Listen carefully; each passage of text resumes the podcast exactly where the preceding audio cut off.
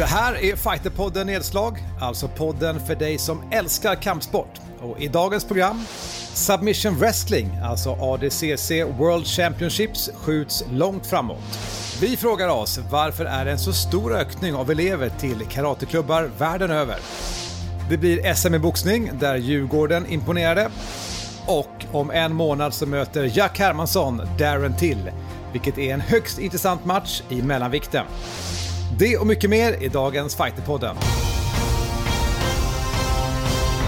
Sådär, varmt välkommen till Fighterpodden Nedslag. Idag när vi spelar in så är det torsdagen den 5 november. Och jag har med mig som vanligt mina två kollegor. En hostandes. Simon Kölle. Förlåt. Hallå, hej. Det är jag, det är Det där lät fake den hos Det var faktiskt inte fake, eh, jag- trots att jag har en halstablett i munnen. Men du har ju ont i halsen Elin, Ja. hur är det? Ja, jag har lite ont i halsen men det, förhoppningsvis är det inget, inget jättefarligt. det här att ni bara trampar in i mina planerade prater. Där är Elin Blad, jag heter Mårten Söderström och jag vill Det påminna är direkt- nedslag. Ja, exakt. Påminna om att om du vill kontakta Kul oss. att vara tillbaka. Ja, exakt. Och vill du kontakta oss är det fighterpodden at fightermac.se. Och så säger jag till nytillkomna lyssnare också att det här är ju podden som är en kortversion av Fighterpodden där vi normalt har gäster. Och nu är det nya restriktioner så nu är vi typ eh, på distans ännu mer än vad vi var tidigare. Vi hade ju små förhoppningar om att komma tillbaka till studion och ha gäster, men där är vi inte ännu. Tråkigt, men så är det. Det. Jag vill också säga att det här handlar om en podd som tar ungefär 30 minuter där vi betar av det senaste varje vecka i kampsport. Och vi börjar direkt faktiskt med någonting som jag tycker är väldigt kul och trivs med, även du Elin. Det handlar om Submission Wrestling, SV. Eh, ADCC, alltså World Championships, blir ju framskjutet långt framåt. Vad händer eh, där, Simon? Ja, långt framåt i ordet. Tyvärr, det skulle ju hållas, men det blir till 2022. What? Det är sant? Men det brukar ju bara vara vartannat år. Det har ju alltid varit på ojämna år. Kommer det bli på jämna år nu Det skulle varit framöver? 2021, det blir- eller början där, så blir 2022. Jag har ingen aning om vad, de kommer hålla, men det är ADCC World Championships i alla fall som kommer istället 2022. Så att, Kommer de ens kunna ha det? Det är ju Ja, frågan. vad fan. Lite positiva får vi väl vara i alla fall. 2022 liksom. Ska vi hålla på så här i flera år nu? Eh, ja, nej. Vi hoppas på det. Men är man inne i alltså BJJ eller SV så eh, är ju ADCC platsen där de absolut bästa gör upp och många, många legender och också många legender inom MMA, namn du känner till därifrån. Framförallt många brassar har ju dominerat på ADCC och ibland säger de ju det när de ska presentera någon fighter också att de har vunnit ADCC och kommentatorerna nämner det för det är ju ett tecken på att du är jävligt vass. Men det är ju typ den mest prestigefyllda fyllda grappling-tävlingen. Alltså mer så skulle, alltså, är min subjektiva uppfattning än typ BJVM och sånt. Helt enkelt eftersom det är ett mindre förlåtande regelverk när du, när du, kör, Mm. när du kör ADCC. Men du körde väl SV en del? Jo, det, det, det har jag gjort. Men inte på den nivån. Nej, det... Nej. Jag har varit med i ADCC en gång och det, det gick inget, när det var en eh, så här deltävling i Sverige, det gick inget bra för mig för eh, jag, jag har aldrig tävlat med poängsystem, jag har bara tävlat i så här, submission only, så jag, jag torskade ju på poäng. Jag blev fasthållen och passerad och sen var det slut i princip. Mm. Och jag, jag är mycket mer liksom av en så här, som tycker om att scrambla och leta submissions. Så det, det, det passade inte skitbra för mig, så det, jag åkte ut rätt snabbt där. Alltså. Mhm. 2022 alltså, då får du se ADCC World Championships i SV. Tråkigt, men till något roligare. Det är ju så att det vallfärdar till karateklubbar världen över. Och jag vänder mig till dig igen Simon. Vad är det som Ja, händer? vad är det som händer egentligen? För det, det här är inte bara liksom så här, något enskilt land eller någonting sånt, utan det är liksom det är verkligen en, en, man ser en väldigt stor skara nya elever komma, och det, trots att det är liksom covid och allting. Och det är ju för att eh, man pekar då på tv-serien Cobra Kai. Eh, ha- den har fått sånt otroligt genomslag, inte bara bland de som såg Karate Kid en gång i tiden, utan även liksom en ny generation. Och det är också en massa kids förstås med i Cobra Kai, även om det handlar om gubbarna och sådär. Ska vi bara förtydliga, så Cobra Kai går ju på Netflix och det är ju en fortsättningsserie kan man säga på Karate Kid, men det är typ, ja vad är det, 20-30 år senare. Ja men det är ju det, det är, för att bara rätta det lite där, det går på Netflix absolut, de har köpt in det nu, det är en YouTube-serie faktiskt från början. YouTube har ju någon sorts plus-variant sådär, som man faktiskt kan köpa. Eh, och det, så det var, det var, en, det var, jag tror till och med att det var, får någon rätta mig om jag har fel, den första serien som de släppte. Och så, så Netflix är ganska långt efter när de visar den liksom. Mm. Så att eh, det är ingen Netflix originalserie på så sätt. Ja, men det är ändå unikt att den har blivit så populär. Jag har ju sett en del avsnitt. Vad ska jag säga? Den är ganska cheesy. Men den är gjord med meningen. Det är ju meningen liksom. Den, den ska ju vara cheesy och, och den liksom driver med hela den grejen och sådär. Och, och eh, ja, det... Det handlar, alltså, många som lyfter nu i USA att det handlar också om värden och sådana saker. Alltså, att det inte bara handlar om eh, eh, så här, kampsport som att vinna den största turneringen i, eller vinna matcher i UFC, utan att det handlar liksom om att en, det, har, det har skapats en väldigt stor diskussion på, på hög nivå i USA nu kring det här om, och den handlar om det här att, att vinna enskilda matcher men få liksom bli fucked up i kroppen på grund av det. Eller ha liksom att se kampsport som en långlivad liksom väg till god hälsa som du kan hålla på med hela livet och och också hålla det liksom någon sorts liksom, bra. Eh, sådana här tankar får en ju, vi ska prata om det sen, men får, en ju att tänka på typ Anderson Silva och dylikt. Liksom. Så, men, eh, ja, jag, jag trodde faktiskt någonting helt annat när du, när du frågade mig innan vi började spela in. Mm. Så här, varför har karaten ökat? Och jag satt tänkte på det och jag, jag trodde faktiskt att det skulle ha att göra med att det är corona, för jag tänker på hela, hela grejen med kator. Att du kan mm. utöva mm. utan ah. att ha den här kroppskontakten och att folk kanske drogs till det, men eh, jag, jag var helt fel ute, uppenbarligen. Det är väldigt genomtänkt av dig, Elin. Fan, det var, ja, det var smart Det var smart, det var men jävligt fel. Men för att ta upp en grej, alltså jag kommer ju själv från traditionell kampsport och Alltså när jag började med kampsport, ni vet själva, jag kommer tillbaka till det, för det var ju lite grann när Jesus levde. Men det var ju den gamla tiden med karate, alltså Bruce Lee och det var mästare och Chuck Norris och så vidare. Men mycket handlar ju om den, på den tiden om tradition. Och det var ju otroligt noggrant, alltså du ville ju nästan vara japan när du kom in i klubbarna. Du pratade nästan japanska, var noggrann med det. Väldigt mycket vett och etikett och eh, jag tror att väldigt många föräldrar som skickade sina barn på den tiden till kampsport, det var väldigt mycket att det var disciplin och så vidare. Det finns ju kvar. Nu känns det som att det här kommer tillbaka lite grann. Det är som en, en ny våg av att det traditionella faktiskt, utifrån det vi pratar om just nu, kommer tillbaka. Eh, för det kan man ju säga att det är ju svagheten i, eh, eller svaghet, men MMA och sådär, eh, eller det jag tränar själv när jag tränar liksom brasiliansk jutsu, absolut, det finns ordningsregler och sådär, men det är en helt annan typ, en annan typ av kultur. Nu har jag trivts i den, jag tyckte inte om jättemycket den här disciplinära japanska modellen. Jag tycker att det här är lite mer...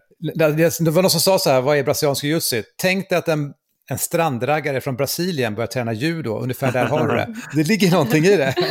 ja. Mm. Uh, och, och, så det, det, är mer Joe Man liksom, och det är härligt och sådär. Det är fortfarande respekt för varandra. Uh, men jag förstår verkligen att de här traditionella värderingarna kommer tillbaka, för det är lite grann det som är essensen i kampsport. Jo, men alltså rent, alltså rent allmänt så finns det ju lite av en, en konservativ vridning i samhället just nu också. Då är det kanske inte jättekonstigt att det sker även inom de här idrotterna, att fler kanske vill gå mot det mer traditionella, mer konservativa, som är mer det du beskriver en vis man vid namn George Salfeld som har betytt väldigt mycket för svensk kampsport, inte minst MMA.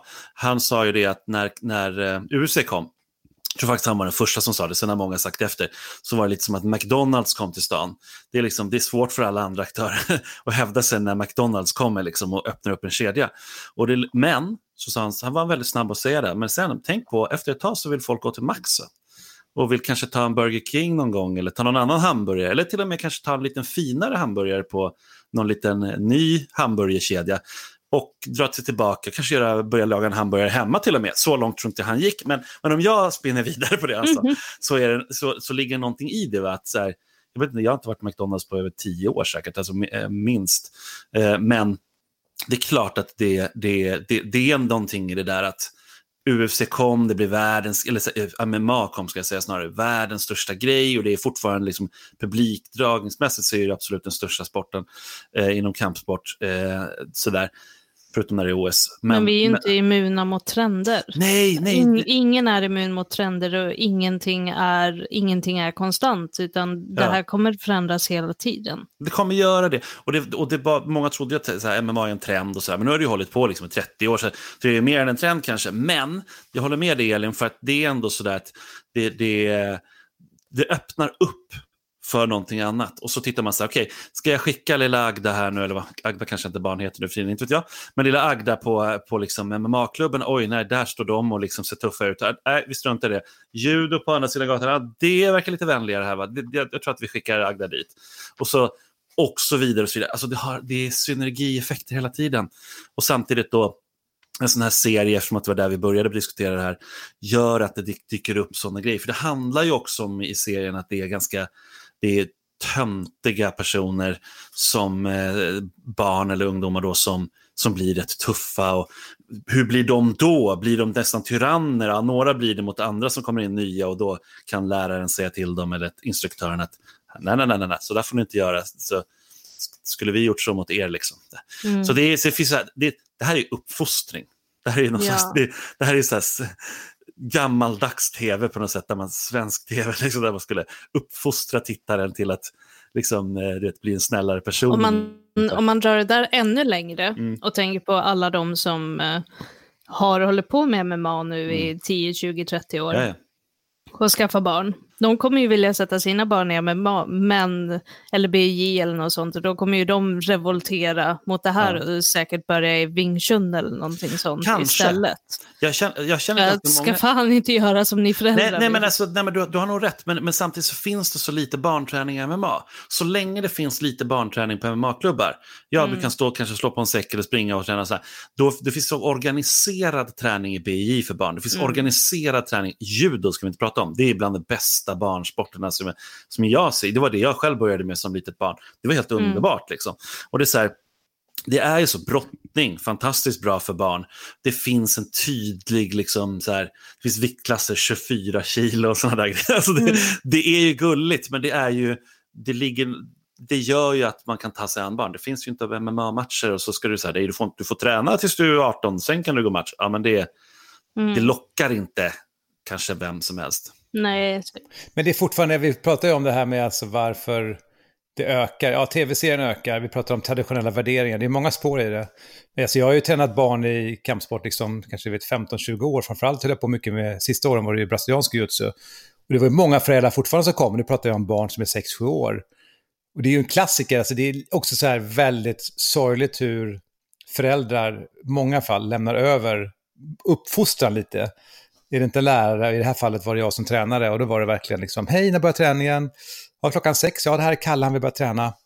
När är ni färdiga? Ja, vid sju. Ja, då hinner jag åka och handla precis. Och så fick man förklara att det är bra om du kanske är med första träningen. Och så var det sån här kommentar, du, Kalle han svär ganska mycket. vad roligt, vad kul. Och man så här, ja, ah, det vet det stämmer, det gör vi inte här inne, men jag tror att du, vet, du är förälder ja, så vi kan förklara ja, principerna. Men det var den här förväntan på klubben att ja, men det här, då löser vi lite disciplin mm. och, de, och de här personerna nu, Kalle då som du beskriver, han är 40 år idag eller någonting sådär. ja. hur det gick för Kalle. Exakt. Kan vi få med Kalle i podden någon gång? Ja, Kalle. Vi lämnar karate och ska prata boxning.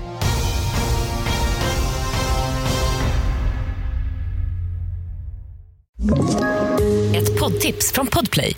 I podden Något Kaiko garanterar östgötarna Brutti och jag, Davva, dig en stor dos skratt. Där följer jag pladask för köttätandet igen. Man är lite som en jävla vampyr. Man har fått lite blodsmak och då måste man ha mer. Udda spaningar, fängslande anekdoter och en och annan arg rant. Jag måste ha mitt kaffe på morgonen för annars är jag ingen trevlig människa. Då är du ingen trevlig människa, punkt. Något Kaiko, hör du på Podplay. Därför är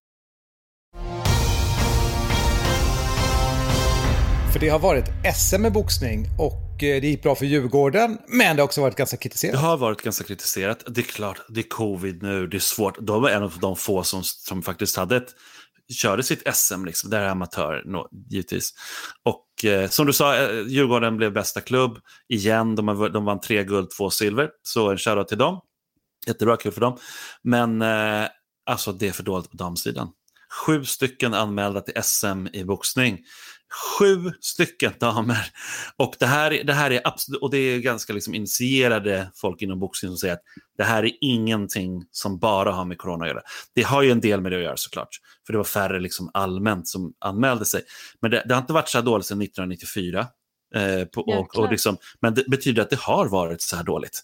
Och det finns krafter inom boxningen Eh, och det här är också återigen något som jag har hört, inte jag för jag är inte så insatt i, i det, men som jag har hört från folk som är insatta i det alltså, på förbundsnivå och, på, bland andra som liksom inte släpper in damer och att det är jättemånga klubbar som får kritik för att de inte är inbjudande mot tjejer. Och det är liksom, jag menar det utan att nämna några namn så var jag inne i en boxningsklubb strax innan corona och då stod ju alla snubbar och det var ju som man var tvungen att gå igenom en sal för att komma till ena boxningsrummet och då, då stod ju alla där liksom nakna och typ att de, alltså så här, kom in där som tjej, alltså nej, det, även om det fanns något litet rum där för damer så, så är det ändå kanske inte 100 procent. Alltså det är lite sådana grejer. Jag vet inte om just det där spelar jättestor roll, men det, det, är uppenbarligen att de har ett stort problem, eller snarare så här, det är en har katastrof. Det, har det någonting att göra med så här, kriterierna för att anmäla sig till SM? Eller vad, jag, jag, känner att jag vet så lite om hur, hur det går till. Men vad, vad är det som kan ligga bakom det? Är det att det inte finns tillräckligt många duktiga tjejer för att tävla eller är det något annat som är ett hinder för att de ska kunna gå i SM? Det jag har hört, eh, och det är bättre att någon annan uttalar sig helt säkert om det, men så är det det där sista du sa, att det är för få. Alltså det, det, det är så, de, de, de, det finns ingen återväxt, alltså det, det, kommer inte in. Det är styrmodligt behandlat generellt, alltså damboxning. Och jag menar, vi hade ett, som man tänker, de, de största namnen senaste åren, absolut, vi har superbra eh, på man herrsidan, absolut, det ska vi inte säga. Men vi har ju liksom, om man tänker de som har kanske slagit igenom rent så här massmedialt så, så är det ju liksom på damsidan. Frida Wallberg inte minst, men, men givetvis andra. Eh, och eh, Ja, det, det har inte gått, alltså nej, det har inte funkat liksom. Så det, så det är sorgligt, det är väldigt sorgligt. Mm. Jag är lite förvånad faktiskt, jag är förvånad, jag trodde att det var tvärtom. Att det var sju män? Roligt. Nej, det var tvärtom att, att, att det faktiskt var så att uh, tjejboxningen var ökande. Men det Nej, det verkar mig. inte vara det. Och det finns säkert jättemycket att göra och förhoppningsvis... Alltså det är ju... Det är alltså, ganska... Man behöver ju inte leta så länge för att hitta liksom, thaiboxningen och kickboxningen som, där väldigt många klubbar är dominerade av tjejer och mm. där mm. tjejerna är de som gör bäst ifrån sig på internationella mästerskap mm. också. Mm. Så det, det, det är uppenbart att problemet är inte att tjejer inte kan boxas, utan det måste ju vara något annat som är... Mm. Men alltså vänta nu, vad, vad, är elefanten i rummet här nu? Är det jag som ska Nej. säga det? Pratar vi att det helt enkelt är så att det är på ledande nivå eh, män det är Ja, men det är nog så ganska mycket. Och det är nog så också att även, ja, det kan vara så att vissa av dem absolut vill att det ska vara en fler. Man har säkert ingenting emot att det är fler. Men, men om man inte har metoder för det, då, då är det lite så här, då kan Nej. man sitta där och tycka att men, så här, jag är feminist eller hit eller dit. Och så här, men om du inte agerar så, om du inte liksom, är för jämlikhet så, så spelar det ingen roll vad du säger. Du kan kalla dig, jag vill jättegärna att det ska komma tjejer till vår klubb eller vår sport. Men öppna för det. Ja, ah, men vi har tjejtorsdagar. Liksom. Ah, men kom igen. Det där var någonting mm. som man höll på med på 90-talet. Det har kommit så pass otroligt mycket längre sedan dess. Det finns massor du kan göra. Hur lockar du in dem? Ska du titta på din egen struktur? Ska du ta in kanske en konsult? Ska du ta in typ Elin Blad, som vi sitter med nu, som är på förbundet? För kampsport, alltså Bud och kampsportsförbundet, en shoutout till er, har ju faktiskt tagit liksom lite ledande roll inom kampsporten just på den frågan. Så man kanske ska liksom titta och snacka mer och bara, hörni, vi har lite problem här, liksom. kan ni hjälpa oss? Mm. Ja, vi släpper det, med mer tjejer i boxning i alla fall. Och nu går vi till något helt annat, det handlar om One Championship. Det ser ut som att han förlorar valet nu, Trump. Kanske kommer han tillbaka med Apprentice, vem vet. Men uh, One Championship, Simon, de kör någon typ The Apprentice. Kan vi inte bara få slippa se Trump mer nu, tänker jag? Har vi inte fått tillräckligt de här vi fyra åren? När vi spelar in där så håller de på att räkna. Ja, men Joe Biden tar ju hem det här nu. Det måste vara så. Han, han gör säkert det. Jinxa inte det här mot nej, nej, nej, nej, du, du ger mig riktigt ont i magen Det här är ändå old news. Det här, det här är liksom dålig tv som man kallar det. Eftersom att de som lyssnar på det här redan vet hur det det gick. Men eh, The Apprentice. The, alltså, The Apprentice One Championship Edition. Det är alltså en sån märklig grej. Det är deras stora mogul som eh, menar att han en tid var på gatan och sen nu har han kommit upp. Han är miljardär liksom flera gånger om. Han heter Chatri Syttyjod Tong. Han ska ha praktik en praktikant. alltså, och så ska han göra det här, så gör de det till en, de satsar stenmycket på det. Det är 2,5 miljoner om året i lön för den här personen som ska ha praktikant. Jävligt bra praktikantlön. Jävlar, ja. hur söker man till nej, den här? Söker man? Ja, de, de, de, tar, de tar ansökningar från hela världen. Och man ska ju då vara verserad inom kampsport, gärna hållit på, men man måste inte gjort det och ska ha varit väldigt drivande.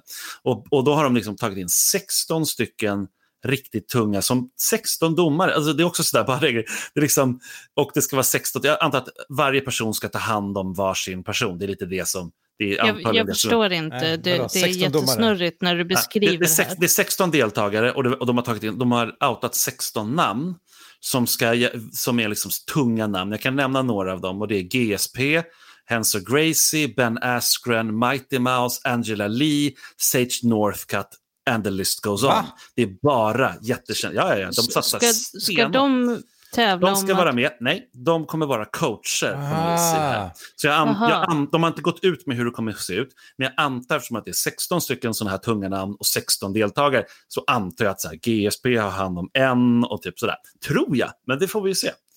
Eh, det, jag vet inte upplägget, men det, det är liksom... Men det, när kommer den? Var kan man se det? Det här älskar jag. Eh, det, det är inte klart än vad det kommer bli. De har ju en enorm tv-deal. Alltså deras, de har en större, One har tydligen en större tv-deal, och nu får ju någon verkligen rätta mig om jag har fel, än UFC. I alla fall påstår de det själva.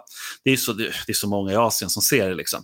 Men det är ytterst märkligt upplägg och de vill köra det nu och eh, ja, utsätta de här personerna för olika tester och olika prövningar och arrangera säkert saker och sånt. Så det, jag, jag, jag tänker lite på de här kaospiloterna, om de, någon av er känner till dem som finns i, i Danmark som är just den här skola för, för entreprenörer där man liksom så här, här du får ögonbindel på dig och du kommer vakna upp i ett annat land, där ska du göra någonting så att 60 000 pers dyker upp på lördag. Ja. Nej, men jag, jag överdriver, men typ, det, är en, det är en känd skola som är helt galen som ligger i Danmark.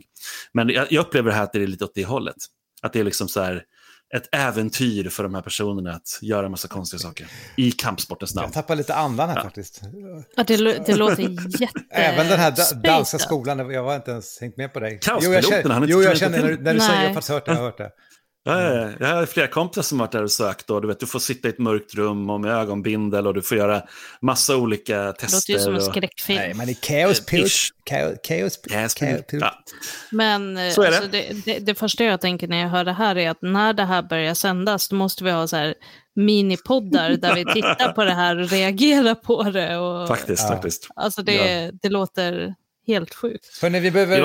Eh, alltså, vi har, tiden går iväg fort här. Jag tänkte, vi är inne på MMA lite grann, bara, vi hoppar rätt in i det bara, jag tänker med Andersson Silva. Det var väl ändå hans sista match nu mot uh, Uriah Hall. Alltså, så, alltså, jag, jag måste Ja. säga att jag är så less på det. Alltså, det, det Måste vi ens prata om det? Jo, men jag vill det bara säga- bara säga en kort. Det är jävligt sorgligt. Men jag vill också säga så här att man ser ändå att han liksom har tekniken, han har liksom eh, blicken. Den här gången hade han tränat, han hade inga, liksom, du vet, det var inga valkar på, på samma sätt som det var i matchen innan och sådär. Men han, han ville nog verkligen sluta. Hans son var i ringhörnan och allting. Men alltså, det, han har ju inte hakan längre. Han är 45 år och, och det är så här, det är så jävla sorgligt. Ja. Det, här var värd, det, här var, det här var liksom den var bästa världens i hela bästa. världen. Han var världens bästa. Ja. Och han är, Alltså, det är inte världens Samma bästa. nu. sak som med BJ Penn, liksom. han Ja. var också världens bästa. Men det är värre. BJ Penn är värre. Alltså det är Ja. så här.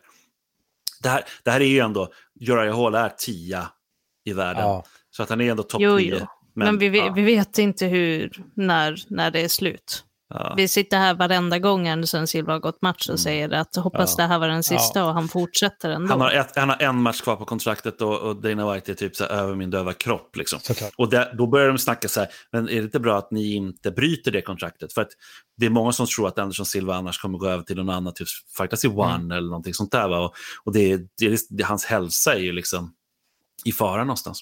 Ja, alltså antingen ger man honom en sista match verkligen och gör den stor. Det här handlar ju om pengar såklart, liksom, för det här är vad han... Sen kan han tjäna pengar på sitt varumärke. Han har en ganska cool logga, har sett det? Det här Anderson Silva, den är ganska cool liksom. Han har någon typ av så här klädkollektion. Han har ju en stor följarskala. Det märkte man ju inte minst på liksom Uriah Hall som bara grät. Han grät och grät och grät att han har spöat Anderson Silva. Att det var så känslomässigt och han har sån relation till honom. Eller när Adesanya vann, han ville verkligen prata om att jag har liksom... Jag har egentligen börjat med det här tack vare det, det här liksom Silva. Ja, nej, det är tragiskt så att man vill inte lägga för mycket ord om det. Men Dana White sa ju det också att Uriah Hall måste vara vår fighter i, av alla våra fighters som är mest gun-shy. Liksom. Det var så jävla hård kritik att få från chefen efter, en, efter, efter ett jobbpass. Liksom. Du är den som är mest rädd för stryk av alla. Vi har tre grejer kvar i dagens podd. Vi ska först prata om träning hemma. Vad hände i Österåker, Simon? Ja, i Österåker, det här är en ganska kort liten blänkare, då var det så här nämligen att eh, det blev ett larm. Polisen ryckte ut till, eh, för ett eh, lägenhetsbråk. Och du vet, full, full seriositet, in i lägenheten. Och då var det så här, dottern i hushållet tränar karate. Karate är som sagt på väg upp nu. Och folk tränar, har börjat träna hemma, så hon stod och skrek "Åh, i! Och liksom, eh, ja, de, de bra grannar tycker jag. Som ändå liksom, ja, man kan ju gå ner också och plinga på, tänker jag, liksom på, på dörren och fråga är det allt okej. Men, men eh, vissa är väl kanske lite rädda idag och sådär. Så att de ringde polisen och det, det var karate helt Nej, hon körde kiai hemma. Ja. Alltså jag har tänkt lite på det där när jag och min sambo har stått och slagit mitsar hemma. Ja. Det, det, det låter ju ganska mycket. Och när du slår men- också, det är ju som men- en men det är så- k-pist. Det är som en k-pist Ja, det är- slår. Det bara Jäklar. dundrar i hela huset. Nej, men, det, men det jag tänker vi kommer undan med det är att det är så rytmiskt. Ja, det. Att det, då, då kanske man hör att nej, men det här är ingen som får, det, är- det är ingen strukturerat stryk som delas ut, utan det är någonting annat som händer. Men jag, jag får bara nämna en grej, för det där var ju liksom en rolig grej som handlade om att det, det inte var liksom misshandel och sådär. Men jag får bara flika in en grej och det är att det är Frankrike just nu. Nu tas det krafttag i Frankrike alltså mot, i kampsporten där eh, med judoförbundet som har gått ut i, i spetsen för det här. Och det är så att La Parisienne, eh, stora tidningen, har ju liksom avslöjat då att det är ganska mycket våld mot elever inom kampsport i Frankrike. Eh, och även ett sexuellt utnyttjande Wow. liksom, av en, eh, inom judo. Eh, det är därför judoförbundet har varit ledande. Liksom. Och, eh, och då började man titta på det här och började se liksom att det här, det här sexuellt utnyttjande det verkar vara ett fall. Men det är andra, liksom att det är våld, faktiskt eh, tränare som spöar sina elever. Det verkar vara betydligt mer utbrett än vad man har trott. Alltså det är ganska utbrett. Och Frankrike är ett rejält kampsportsland. Alltså det är så stort kampsport i, i Frankrike. Så att eh, judoförbundet har gått ut, de har tagit täten, alla andra får hänga på. Massa utbildningar, mycket liksom... Ska, det ska ske en stor förändring i, inom kampsport i Frankrike har de utlovat. Så att de, de tar det på fullaste allvar.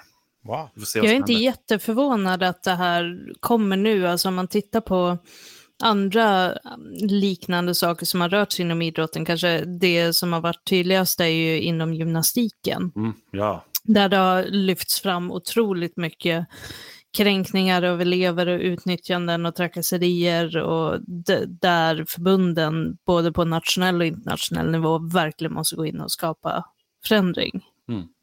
Så det jag tror att de här sakerna skapar nog väldigt ofta alltså följdeffekter. Så att om jag, om jag ser liksom att en annan idrott eh, gör det här och kanske får till förändring, att det, det blir det, det blir inspirerande för andra som upplever samma sak. Alltså det, det, det är som ett mini-metoo som händer. Det, det blir ju någon slags kedjeeffekt av det. verkligen. Det där hoppas jag ju att... Uh, alltså man vill inte ens prata om det. Det ska inte vara sådär. Nej, man vill, nej, det ska inte vara Vi så. pratar Det är liksom om glädje och träning och så, sådär. Men det är som sagt verkligheten någonstans där ute. Jag tänker att vi slutar med MMA och det är ju UFC i helgen. Eh, Det är ju eh, Thiago Santos mot Glover Teixeira.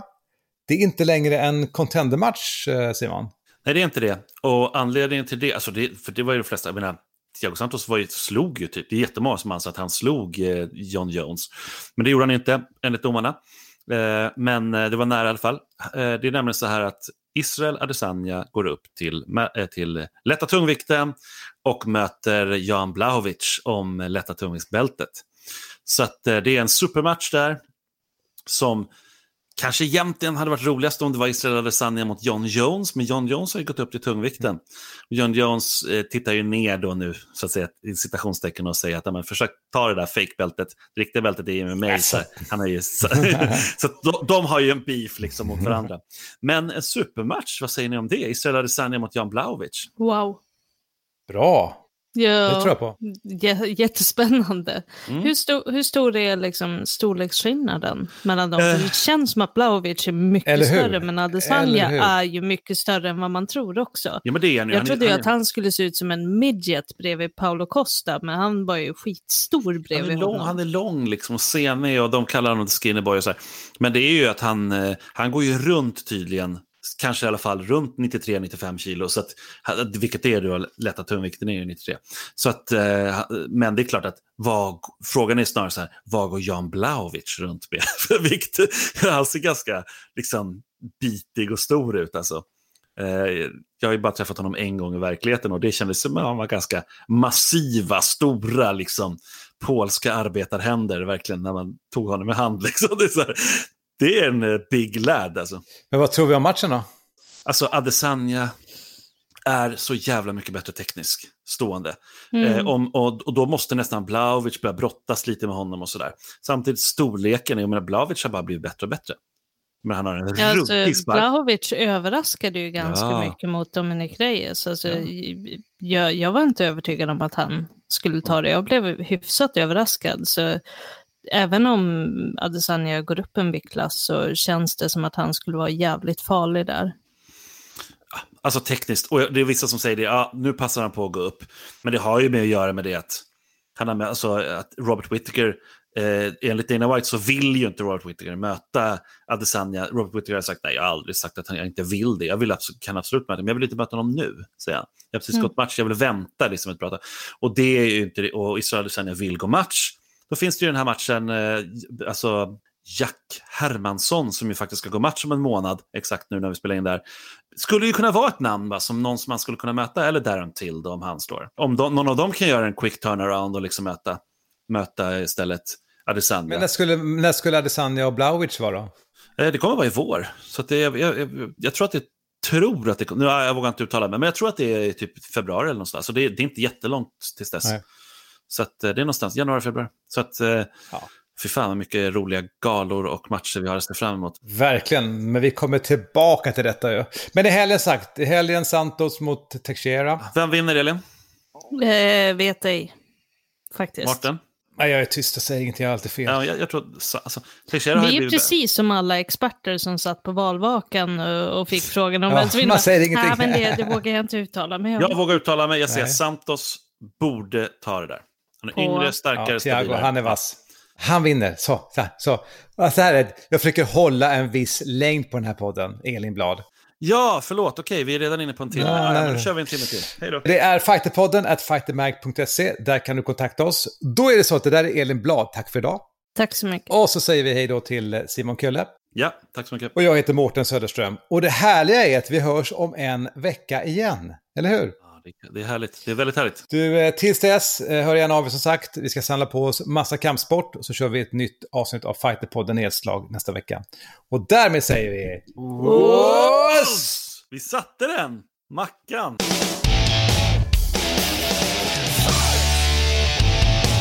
Fighterpodden produceras av Suba Media för Radio Play. Poddtips från Podplay. I podden Något Kaiko garanterar östgötarna Brutti och jag, Davva, dig en stor dos skratt. Där följer jag pladask för köttätandet igen. Man är lite som en jävla vampyr. Man har fått lite blodsmak och då måste man ha mer. Udda spaningar, fängslande anekdoter och en och annan arg rant. Jag måste ha mitt kaffe på morgonen för annars är jag ingen trevlig människa. Då är du ingen trevlig människa, punkt. Något Kaiko, hör du på Podplay. Därför är gardinerna.